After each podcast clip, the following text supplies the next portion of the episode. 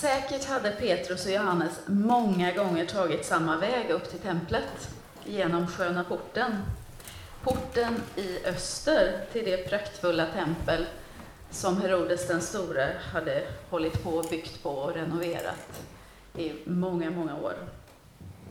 Säkert hade de gått där många gånger och säkert också många gånger gått förbi den här lame mannen. Men just den här dagen så får de verkligen syn på honom.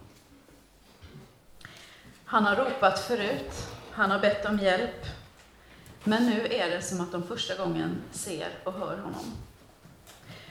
Eh, ordet på grekiska som Bibel 2000 översätter, de fäster blicken på honom. Och nu är vi alltså i Apostlagärningarna 3. Det sa jag inte, men vi var ju två igår, så det blir tre idag. Eh, det ordet på grekiska heter atenizo Eh, och det betyder att verkligen betrakta. Inte bara titta slarvigt sådär som man ofta gör, utan verkligen, verkligen få syn på någonting.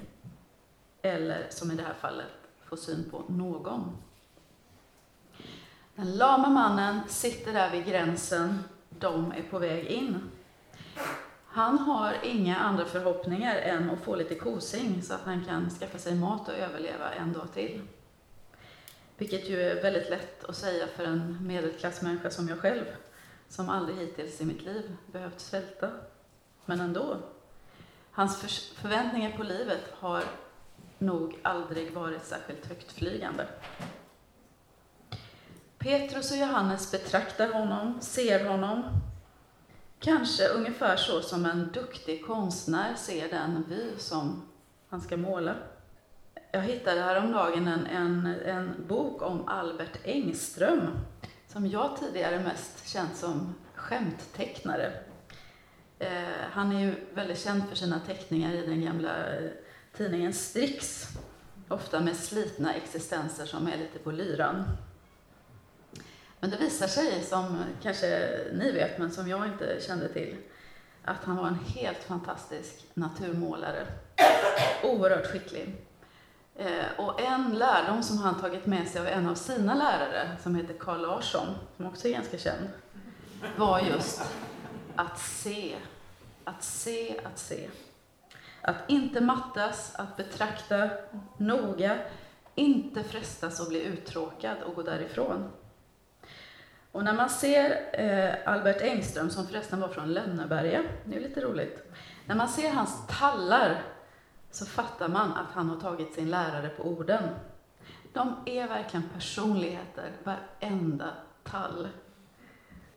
Och jag tänker ibland att kanske är det en viktig anledning till att jag och så ofta blir missmodig. Jag vistas i allt det underbara som Gud har skapat, men jag ser det inte. Jag tar det inte till mig. På det sättet har bildkonsten en väldigt pedagogisk uppgift, även om det låter väldigt tråkigt att säga så.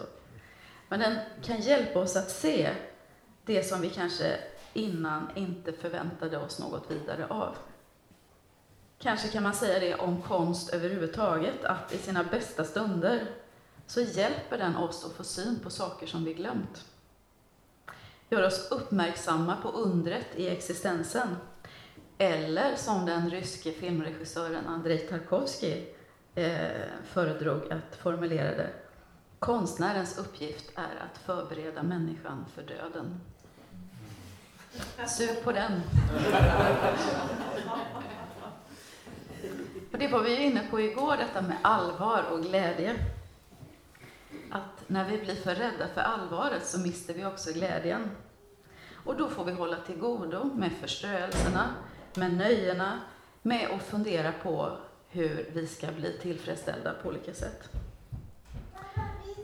Jag tror Tarkovsky menade att bara när vi erkänner döden, alltså att den finns, att vi själva är dödliga, att livet är ändligt, att just mitt personliga liv är ändligt, att det är då vi har en verklig chans att glädjas över att vi finns.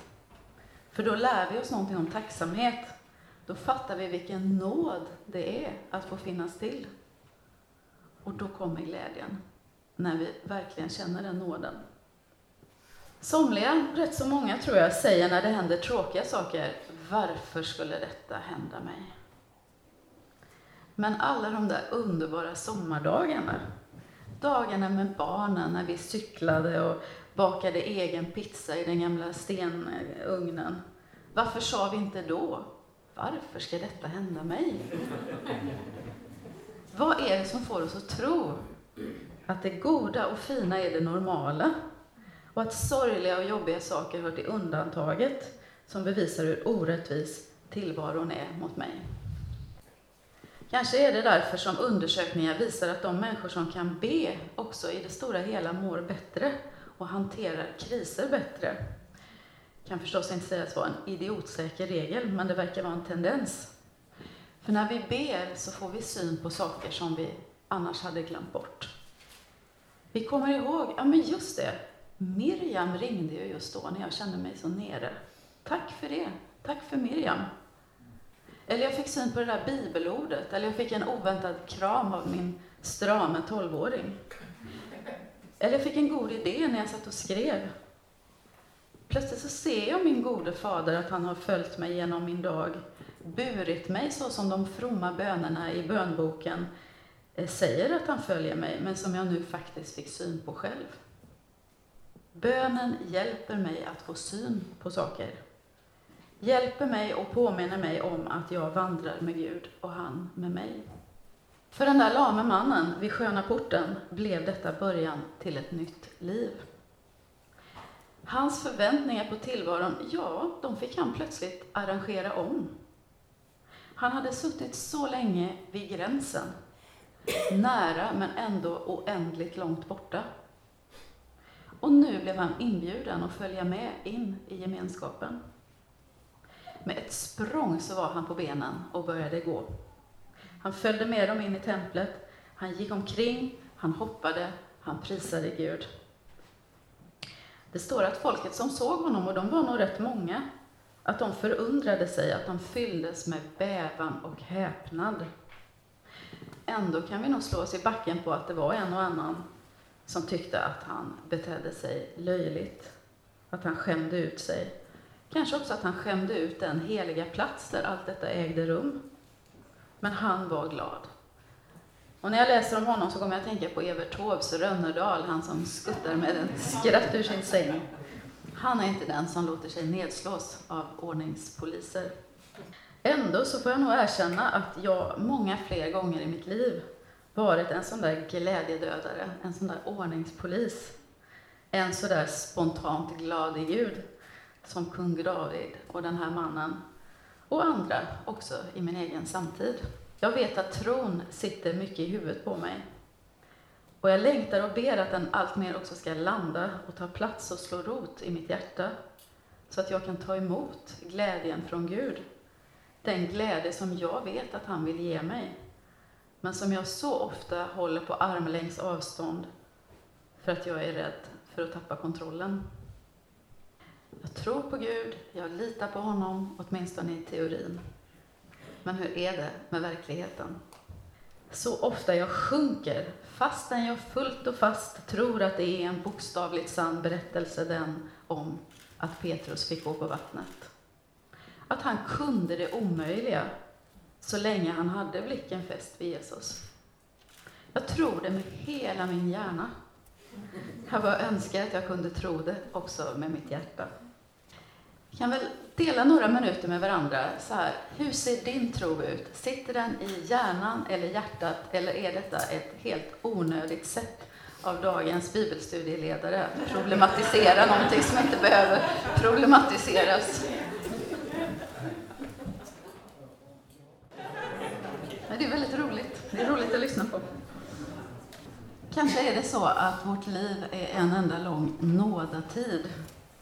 Det tar så oerhört lång tid att lära sig allt som är viktigt. Och jag är tacksam för att Gud inte verkar ha bråttom, varken med sin skapelse i stort eller med mig personligen.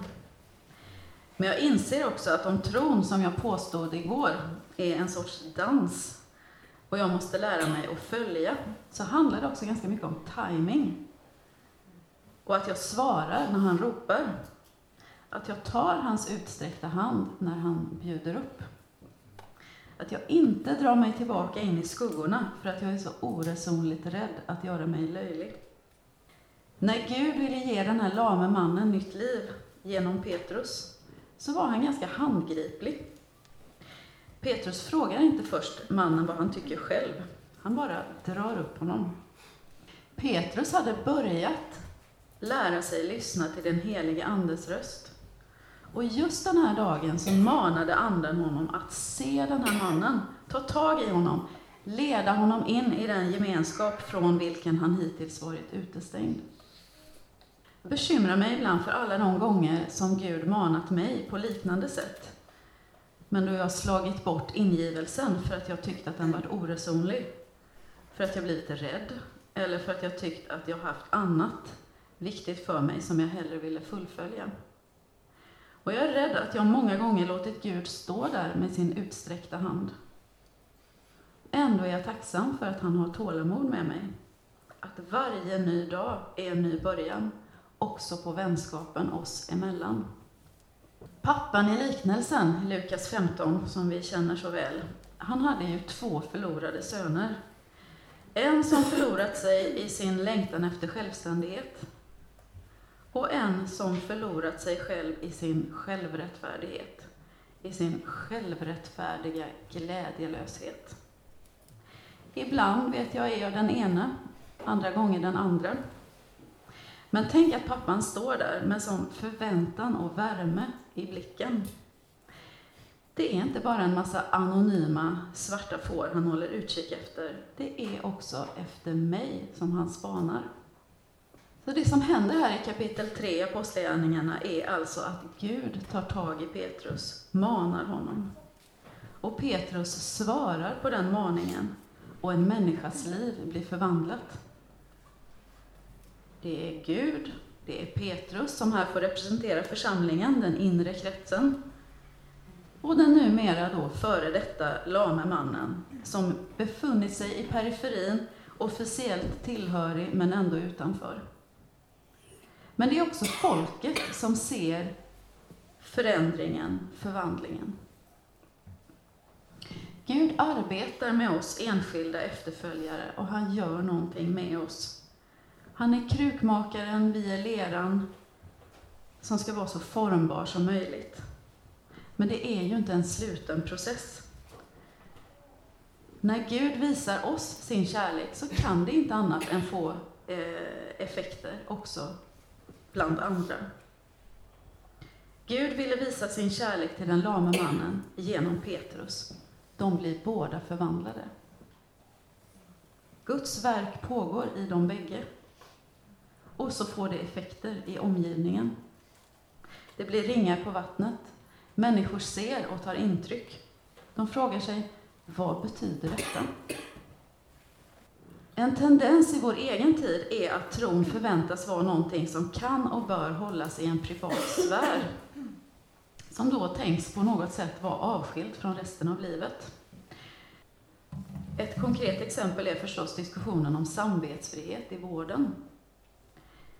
Ehm, ja, arbetslivet i stort förstås, men en barnmorska hon har den tankefriheten att hon får tycka att det är fel med abort. Men den övertygelsen får absolut inte få några som helst konsekvenser i hennes arbete, hennes relationer, hennes liv.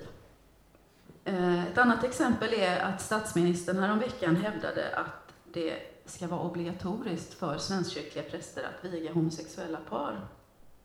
En övertygelse om att äktenskapet är ett förbund mellan en man och en kvinna respekteras möjligen som en teoretisk möjlighet. Men den får absolut inte få några som helst konsekvenser i prästens yrkesutövning. Har man ett samvete, då måste det hållas kort. Det är den slutsats jag drar av statsministerns uttalande i detta. Mm. Varför är det så i vårt samhälle att, att eh, religionen måste vara en privatsak? Att detta med ett samvete upplevs som så problematiskt? Man hade ju lika gärna kunnat tänka sig att det är bra med människor som har lagt märke till att de har ett samvete och vill ta det på allvar. Så vitt jag begriper vad gäller barnmorskorna så är Sverige ett av få länder i EU som inte har någon form av samvetsklausul för vårdpersonal. Kanske beror detta på att till den svenska modellen hör ju en förkärlek för enhetslösningar. Det ska vara samma regler för alla. Det, tänker man, det är rättvist. Men det är ju inte säkert att samma regler för alla principen i alla lägen är rättvis. Det skulle tvärtom kunna vara rättvist att i vissa lägen inte behandla alla precis lika. Så är det i alla fall med barnen. Eftersom de är olika så vore det närmast tjänstefel av mig som mamma att i alla lägen behandla barnen exakt lika. Den ene behöver lyftas fram och uppmuntras. Den andra behöver lära sig att samarbeta och att man inte alltid måste bestämma i leken. En är blyg, den andra är våghalsig. Som förälder så behöver man öva sig i situationsetik. Vad krävs just nu för just den här sonen? Sen behöver man naturligtvis gemensamma regler också, tandborstning och huruvida man behöver äta grönsaker och läsa böcker och sånt. Naturligtvis. Men folket som såg den före detta lame mannen, de undrade, vad betyder detta? Petrus sätt att leva ut sin tro fick konsekvenser för en enskild person och för folket som fanns runt omkring. Och deras fråga gav honom tillfälle att fortsätta berätta om Jesus och hur han hänger ihop med traditionen, deras arv, deras officiella tro. När ska man då vittna? När är det läge? Vilka strider ska man välja? Situationen som beskrivs här i Apostlagärningarna 3 motsvarar vad eh, profetissan Hanna säger. Ni vet i Lukas 2, hon som hängde i templet tillsammans med Symeon och som vi brukar läsa om på kyndelsmässodagen. Det står om henne att hon tackade och prisade Gud och talade om barnet för alla som väntade på Jerusalems befrielse. Hon talade om barnet för alla som väntade på Jerusalems befrielse. Vad betyder det? Jag uppfattar det som att hon berättar för dem som har ett öppet hjärta. Det pågår ett samtal, frågor ställs. Människor är intresserade, de längtar. Då berättar hon. För dem berättar hon. Och Petrus tal idag, eh, i kapitel 3, är svaret på en fråga. Det finns en längtan, det finns en krok för honom liksom att ta tag i. Han får tillfället och han tar det. Gud ger honom tillfället och han tar tag i Guds utsträckta hand. Gud som vill rädda alla de här människorna. Gud som längtar efter alla de här människorna, som vill ha gemenskap med dem. Han vill älska dem, genom Petrus, genom dig och mig. Evangelisation kan förstås se ut på en mängd olika sätt. För Gud är det aldrig one size fits all. Men det är så Paulus brukar gå tillväga när han går omkring och berättar om Jesus. Han anknyter också, precis som Petrus idag, till det som är gemensamt. Jag vet inte om ni har tänkt på det? Nu talar ju Petrus visserligen till judar och Paulus eh, till hedningar för det mesta. Men det finns hos dem båda denna ansats, denna pedagogiska metod, att anknyta till det gemensamma. I och för sig så brukar Paulus rätt så snart komma till stötestenarna. Han harmoniserar inte direkt, han ägnar sig väldigt sällan åt religionsdialog. Ett väldigt bra representativt exempel för hur Paulus, eh, Paulus pedagogiska metod, det har vi i Apostlagärningarna 14. får ni gärna slå upp. Eh, de är på väg, Paulus och Barnabas. De kommer till två städer i mindre Asien, Lystra och Derbe. Och i Lystra så tas de verkligen emot som kungar, än mer, de tas emot som gudar. För att invånarna i den här lilla staden minns en legend eh, som handlade om att Zeus och Hermes för länge sedan hade kommit till Lystra och att invånarna då, vid det tillfället, inte hade tagit emot dem. Och sen hade det kommit en jordbävning och det hade blivit väldigt jobbigt för invånarna i Lystra för att de inte kände igen Zeus och Hermes. Nu tänker de inte göra samma misstag. Eh, så att när Petrus och, eh, när Paulus och Barnabas, eh, när de har helat en, en eh, lam man där i Lystra, så är alla övertygade om att nu, är, nu har vi vår chans. Detta är Zeus och Hermes som har kommit tillbaka. Vi måste hylla dem på alla tänkbara sätt. Och de kommer emot dem med blomsterkransar och de lyfter upp dem och hurrar. Och prästen från Zeus-templet kommer springande och vill offra tjurar till dem. Eh, och i det läget säger inte Paulus, vilken fin tradition ni har här. Utan vi läser då från vers 14. Paulus och Barnabas, de rev sönder sina mantlar och rusade in i folkhopen och ropade, vad tar ni er till? Vi är svaga människor, precis som ni. Vi kommer med ett gott budskap till er. Ni ska omvända er från dessa maktlösa gudar till den levande guden, som har gjort himmel och jord och allt de rymmer. Förr i tiden lät han alla hedna folk gå sina egna vägar, men ändå gav han vittnesbörd om att han finns, genom allt gott som han gör. Från himlen har han gett er regn och skördetider. Han har mättat er och fyllt era hjärtan med glädje. Alltså, Paulus anknyter till det gemensamma, till Gud som skapare och upprätthållare. Men han försöker inte sudda ut skiljelinjerna och säga att det inte spelar någon roll. Ni ska omvända er från dessa maktlösa gudar, säger han. Och de tar ju faktiskt livet av honom. Den här enorma glädjen, det blir verkligen Hosianna, korsfäst. Det är precis på det sättet eh, att de stenar honom så att hans vänner tror att han är död. Eh, men hur som helst, vad kan vi lära oss av denna lilla berättelse? Jag tänkte ni kan få prata några minuter med varandra. Hur användbar är den här berättelsen för Svenska kyrkan idag?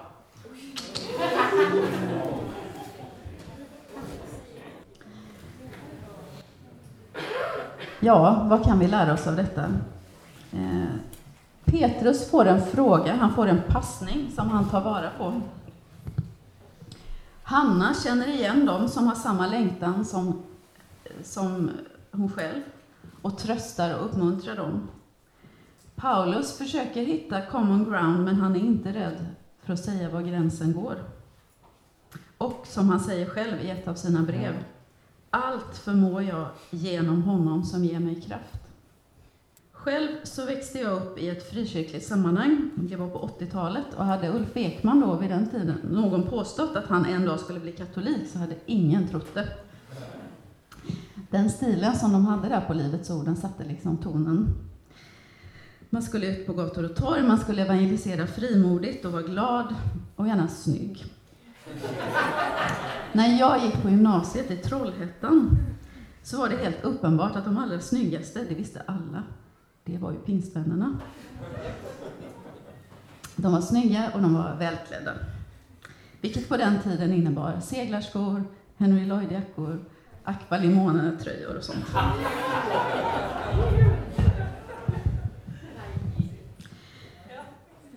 Det var också väldigt inne att gå ekonomisk linje på gymnasiet. Jag kan inte tänka mig någon annan anledning till att jag hamnade där.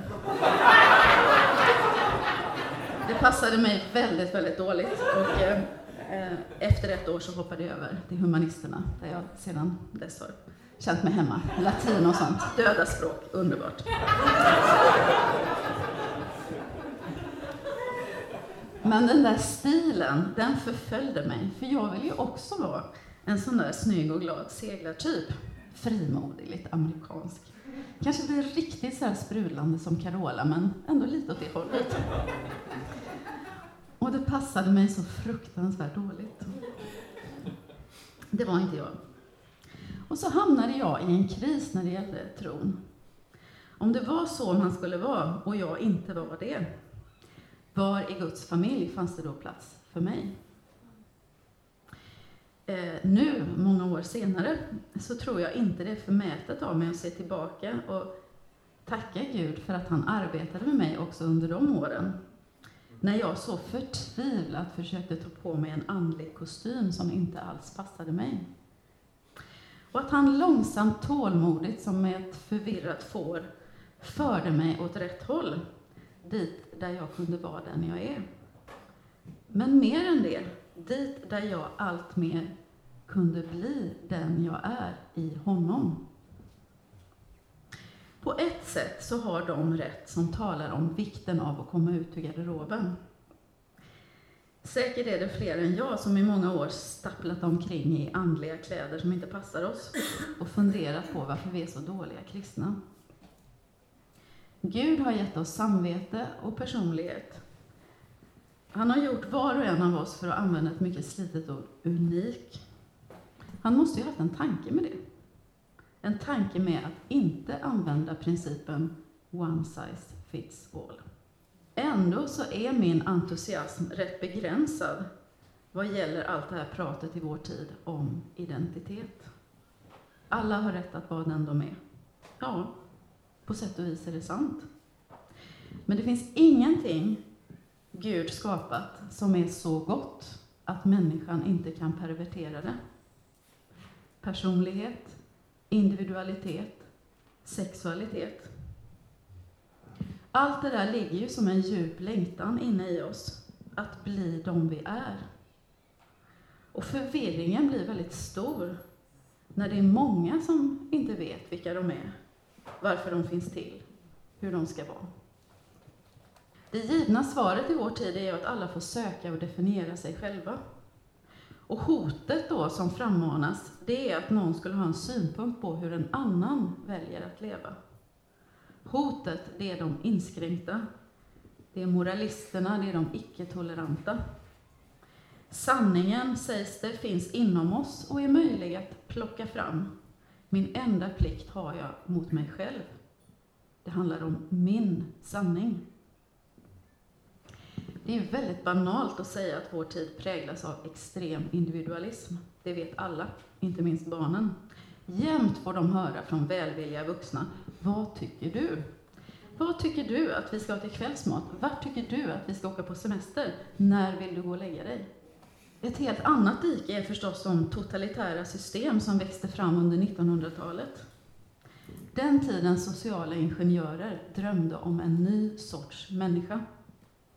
Inte sådär småborgerlig och inkrökt i sig själv och sin futtighet, utan med vyer, någon som ville tänka stort och skapa en ny värld. Le Corbusier, arkitekten, han planlade städer och bostadsområden med denna dröm som ledstjärna. Raka gator, effektivitet, bilar, framsteg, teknik.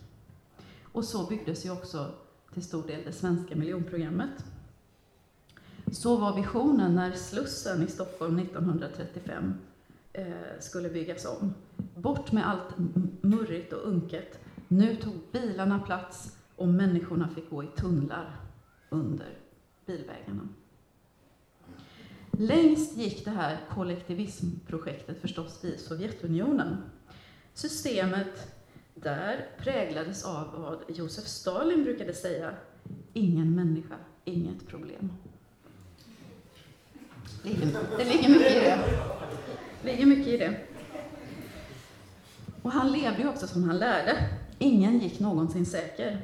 Alla var, eh, oavsett om de visste det eller inte, en potentiell fiende till staten. Det viktiga var inte individerna, utan det stora projektet. Ett exempel på denna mentalitet får vi i George Orwells stora roman 1984 som jag nyligen läste om. Det är en dystopi, en framtidsskildring som har Sovjetsystemet som fond. Och handlingen utspelar sig i ett framtida London där partiet med stort P styr med järnhand. Huvudpersonens granne, det är en tjock, enfaldig man. Han berättar stolt om sina barn som är aktiva i partiets ungdomsorganisation, som lär barnen att vara misstänksamma mot allt och gärna, om möjligt, anmäla illojala vuxna om de skulle yttra något ofördelaktigt om regimen. Och mot slutet av boken så möter huvudpersonen sin granne. De sitter då båda i häkte. Grannen är, till skillnad från de flesta andra i cellen, inte nedbruten. Nej, han är nästan stolt över att barnen var så finurliga och anmälde honom för ett regimkritiskt yttrande när han sov. Det är allt tåga i dem, tröstar han sig. Vilka barn? Systemet före individen. systemet nästan istället för individen. Systemet som ett sätt nästan att uppnå nirvana, att uppgå i det stora alltet, att förlora sig själv. Så vi har de här olika paradigmen. Vi har kollektivismen och vi har individualismen.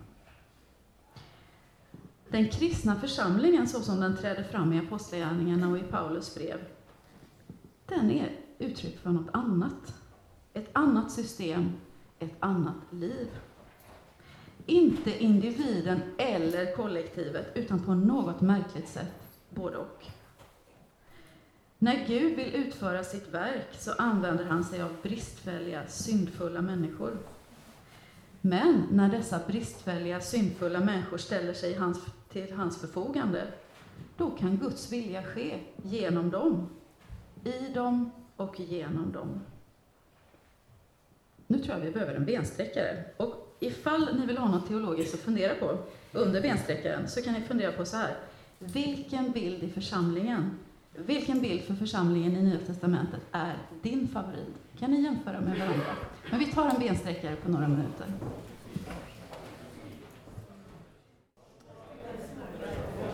Ja, vi talade ju om individen och kollektivet. Och att det är någonting annat som vi möter i Nya Testamentet när Paulus beskriver vad församlingen ska vara. Alltså, individen är unik, hon är oersättlig. Och som kristen så tror jag ju att Gud har haft en alldeles särskild tanke med varje människa som han har skapat. Och den uppfattningen kan ju leda oss till hybris, alltså att vi får för oss att vi är centrum i universum. Nej, det har aldrig hänt. Inte i Ulricehamn. Och det kan också leda till att en människa formulerar sig som, antingen var det Jean-Paul Sartre eller de Beauvoir, jag kommer inte ihåg, i en pjäs. Helvetet, det är de andra. Alltså de andra människorna. De som ständigt kommer i vägen när jag ska försöka realisera mina drömmar och visioner. De som är så småttiga, som inte förstår, som inte har tillräckligt med inlevelse. Som kommer där med sina begränsningar och sin enfaldighet och stör. Eller så kan man ta Paulus på allvar och förstå att denna unika, oersättliga individ behöver ett sammanhang för att hon ska kunna blomstra så som Gud har tänkt. För att hon ska kunna vara den som Gud har skapat henne till. Det finns väldigt många bibelord som exemplifierar detta. Jag kan bara välja ett favoritställe, eh, Efesierbrevet 3. Och när vi läser detta så kan vi påminna oss om att det inte handlar om någon extra from elitförsamling. Alla de heliga på den och den orten, om det så är Efesos, eller Örkelljunga, eller Horred eller Allingsås. Det är vi. 3.14. Ni kan det väl. Därför vill jag falla på knä inför Fadern, efter vilken allt vad Fader heter i himlen och på jorden har sitt namn Måtte han i sin härlighets rikedom ge kraft och styrka eh, åt er inre människa genom sin Ande, så att Kristus genom tron kan bo i era hjärtan med kärlek. Stå fasta, var stadigt rotade i honom, så att ni tillsammans med alla de heliga förmår fatta bredden och längden och höjden och djupet och lära känna Kristi kärlek som är väldigare än all kunskap, tills hela Guds fullhet uppfyller er. Därför, när vi börjar tänka att de sammanhang som vi befinner oss i hotar vår individualitet, vår möjlighet att vara oss själva, då ska vi vara lite på vår vakt. Det kan vara frestaren som är framme med sina falska förespeglingar om vad frihet är. Som mamma till fyra pojkar händer det någon gång emellanåt att jag längtar efter ett liv där det är tyst och städat och där jag får sitta och skriva i lugn och ro utan att bli störd. Jag tror inte att det är en abnorm längtan. Men jag ska akta mig för att ge den alltför stort utrymme. För det är ju inte så att mitt självförverkligande ligger där borta i en abstrakt, diffus framtid. Att det skulle vara först där borta i det där lugna, tysta, städade rummet som Gud kan göra mig till den jag ska vara. Utan Gud arbetar i det som är. Det är det som inkarnationen betyder. Att Gud inte föraktar det materiella. Att han inte föraktar tiden som han har skapat. Att han använder materien och tiden, alltså i det här fallet mitt stökiga liv, för att nå fram till mitt hjärta. Om jag inte fattar det så kommer jag att fastna i en falsk dröm om frihet. Jag kommer att bli kanske en sån där nostalgiker som drömmer om någon tid i det förflutna. Då jag har för mig att jag levde så som jag verkligen skulle vilja leva. Eller så kan jag fastna i det som ännu inte har varit. Tänka att mitt verkliga liv, det kommer att börja då och då. Och det där är egentligen inget mindre än förakt för inkarnationen. Det är en frestelse. Det finns förstås osunda sammanhang som vi kan behöva dra oss bort ifrån. Men för de flesta av oss så består den verkliga utmaningen i att pröva tanken att Gud vill visa sin kärlek till mig, vill dra mig närmare sig just genom de faktiska relationer som jag står i. Mitt äktenskap, min familj, mina grannar, min församling. Och det är en andlig övning som man inte behöver åka på några oasmöten för att undervisas om. Det är helt enkelt att på morgonen be att kunna ta emot det som händer, de jag möter, det jag gör, som om det vore från Gud. Och på ett därtill passande sätt tacka för det. Tacka för dem som stör. Tacka kanske också det för dem som jag har svårt att älska. När jag var yngre och åkte på några karismatiska läger så hörde jag då och då detta att man ska tacka för allting, hur hemskt det än är. Så lät det i alla fall i mina öron då. Men nu är det någonting som jag ofta funderar över. Jag tror att det ligger en stor hemlighet i att kunna tacka också för det som är svårt. Det skulle kunna vara så här det funkar. Det är en teori jag har. När jag i församlingen träffar B, som jag har svårt för, så är reptilhjärnans spontana ingivelse att livet i församlingen för mig vore betydligt roligare om B befann sig i en annan församling, i en annan del av landet. Ingen människa, inget problem. Men en vuxen medelålders hyfsat välutbildad kvinna bör ju kunna uppföra sig. Så jag får använda rätt så mycket kraft åt att dölja att jag har svårt för B. Vi möts ju vid kyrkkaffet, söndagsskolan, lovsångsteamet. Var det tröttsamt att låtsas oberörd när man inte är det? Det är det där stela leendet som efter ett tag ger sån fruktansvärd träningsverk i själen. Men så läser jag Saltaren och så inser jag att det är inte klokt vad det här diktjaget klagar hela tiden. Han sticker sannerligen inte under stolen med hur dumma de andra är. Han är helt ärlig. Det kanske jag också skulle kunna få vara. Och så kommer det in en ny dimension i min relation till B. Jag nämner B inför Gud. Och hur svårt jag har med B. Hur stel jag blir i Bs sällskap. Hur tvungen, hur vi ständigt verkar missförstå varandra. Lösningen för, på problemet för diktjaget i Saltaren, det är ofta detsamma. Fienderna är onda, själv är han god och missförstådd. Illa behandlad och ogärlig.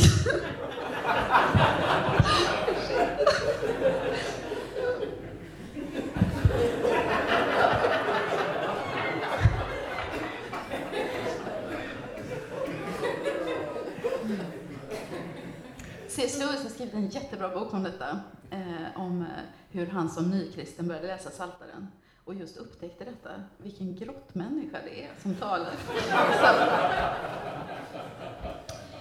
Själv kan jag inte, om jag ska vara helt ärlig, säga att det i min relation till B är riktigt så enkelt. Jag tror inte att B är ond och att jag själv är ond. Men det är någonting där som liknar den där taggen som Paulus talar om i Andra Korinthierbrevet som han har bett Gud att ta bort, men som Gud inte har tagit bort. Och det verkar som att Paulus bett Gud om detta under lång tid. Och att det hans kamp har resulterat i visavi Gud är att Gud har talat om för honom, min nåd är allt du behöver. Vill då Gud att jag ska vara svag och ha det jobbigt i mina relationer? Det är inte säkert.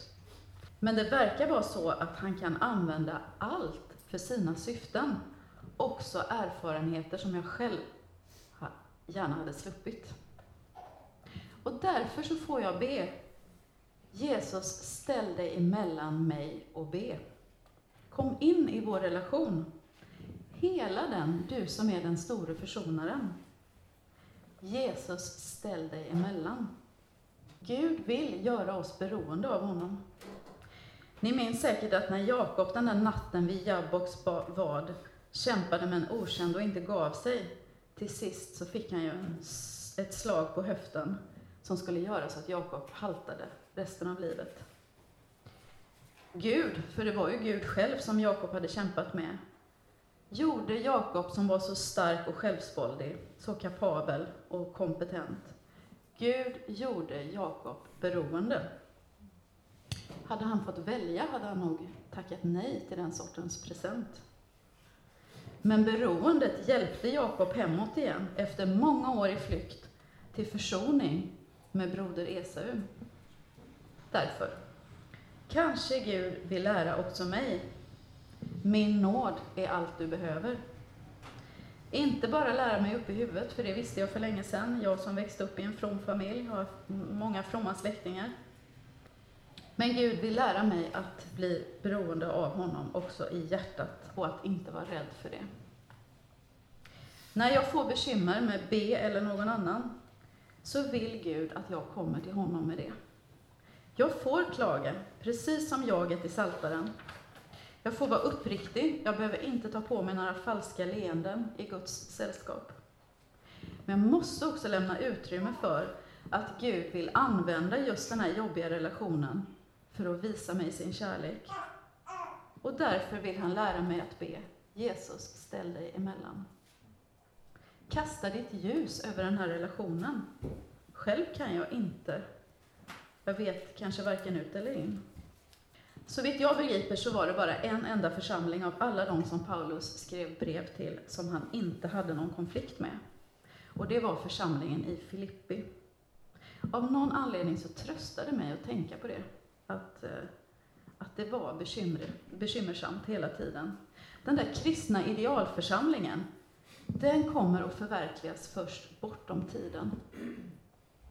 Det har alltid funnits friktion, falangbildning, olika uppfattningar om stort och smått. I Apostlagärningarna 3 och 4 så är det väckelse. Den kristna församlingen liksom badar i gemensam pingstglädje. Men redan i kapitel 5 är ormen där och förstör. Det är inte roligt, men det kanske kan lära mig att se, med min, eh, se på min för, egen församling med andra ögon.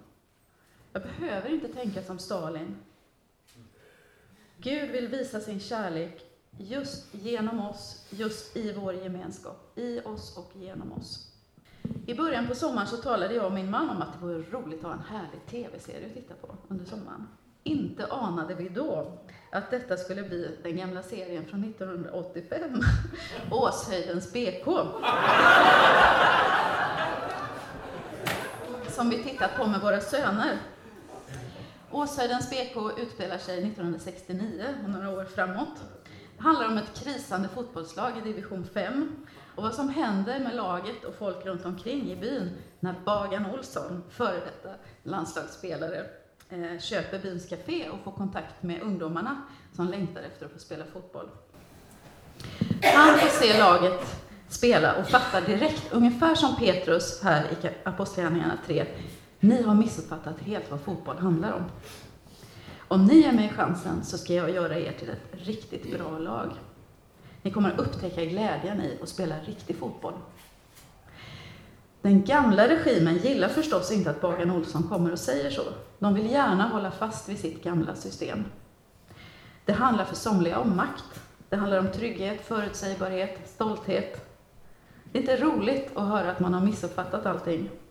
Det är inte roligt att höra att man spelar dålig fotboll, ens om man också får höra att man med rätt träning skulle kunna bli bra. Det blir i Åshöjden precis så som Petrus säger i slutet på kapitel 3, Guds ord till Abraham. Genom dina ättlingar ska alla släkten på jorden bli välsignade. I Åshöjden så kom Bagan Olsson att samla en liten grupp omkring sig först. Det var mest ungdomar som inte hade platsat i det gamla laget. Men ryktet spred sig. Också spelare från det gamla laget kom och ville träna med Bagan. De la stoltheten åt sidan. De fattade att det här är på riktigt. Det här är roligt. Så den lilla gruppen växer och de bildar så småningom ett nytt lag. De klättrar i serien. En spelare får chansen att eh, spela i landslaget. Åshöjden som by växer och blomstrar. Genom dina ättlingar ska alla släkten på jorden bli välsignade. Gud börjar i det lilla med en enda person. Det verkar nästan löjligt. Hur skulle det kunna bli något av det? Men den människan växer till ett folk och det folket är staden på berget som lyser över hela jorden. Alla folk får se. Det blir som vi läser hos profeten Sakarja. Så säger Herren Sebaot. När den tiden kommer ska tio män av olika folk och språk gripa tag i mantelfliken på en judisk man och säga Vi vill följa er. Vi har hört att Gud finns hos er. Och där är vi nu. Abrahams ättlingar, det vet vi, det är det judiska folket. Det judiska folket, staten Israel, har en särskild plats i Guds hjärta, ett särskilt uppdrag. Men Paulus var övertygad om att Abraham kan räknas som far för alla som tror, så också vi är ättlingar. Och det är Guds plan med oss att också vi ska bidra till att ljusen i staden lyser ut över en mörk värld. Och därför är detta med identitet viktigt. Vi behöver ha reda på vilka vi är. Gud är inkarnationens Gud som verkar med materia i tiden. Men vi ska inte tro på den rösten som påstår att friheten är någonting som vi kan uppnå på egen hand, utan Gud, utan gemenskap. Att bli den jag är, det sker i honom. Och fattar jag inte det så kommer jag alltid att förbli rotlös, oavsett hur mycket jag kämpar för min förmenta rätt att vara som jag är. Det blir liksom bara ett halvt evangelium. För min frihet finns i honom, i hans kropp. Och där finns det alltid mer att upptäcka. Som Francis Schaeffer skriver, vi kan ha sanna relationer. Vi kan ha en sann, verklig relation med en verklig Gud och med varandra. Men det innebär inte en uttömmande relation. Det finns alltid mer att upptäcka om vad det är att vara jag, om vad det är att leva i gemenskap. Upptäcka, mer att upptäcka om Gud. Ändå, inte ens i evigheten kommer jag att veta allt. Det behöver jag inte heller. Utan jag kan vila tryggt i att jag och B och alla är kända av honom. Så stor är hans kärlek. Hinner vi med en kort bön? Ja, Gud, tack för att du använder små skröpliga människor för dina stora syften. Tack för att det inte är vi som behöver vara starka, utan att vi kan luta oss mot dig. Du ser hur vi har det i våra liv och i våra församlingar. Du ser våra bristande förväntningar kanske på att en väckelse skulle kunna komma just i vår tid. Men Herre, hjälp oss att ha blicken fäst vid dig. Så att eh, våra egna förväntningar inte sätter käppar i hjulet. Lär oss att ha öppna ögon, att ha öppna hjärtan för dig och för den omvärld som du vill älska genom församlingen, genom oss. Vi ber om din välsignelse och ditt beskydd resten av den här dagen.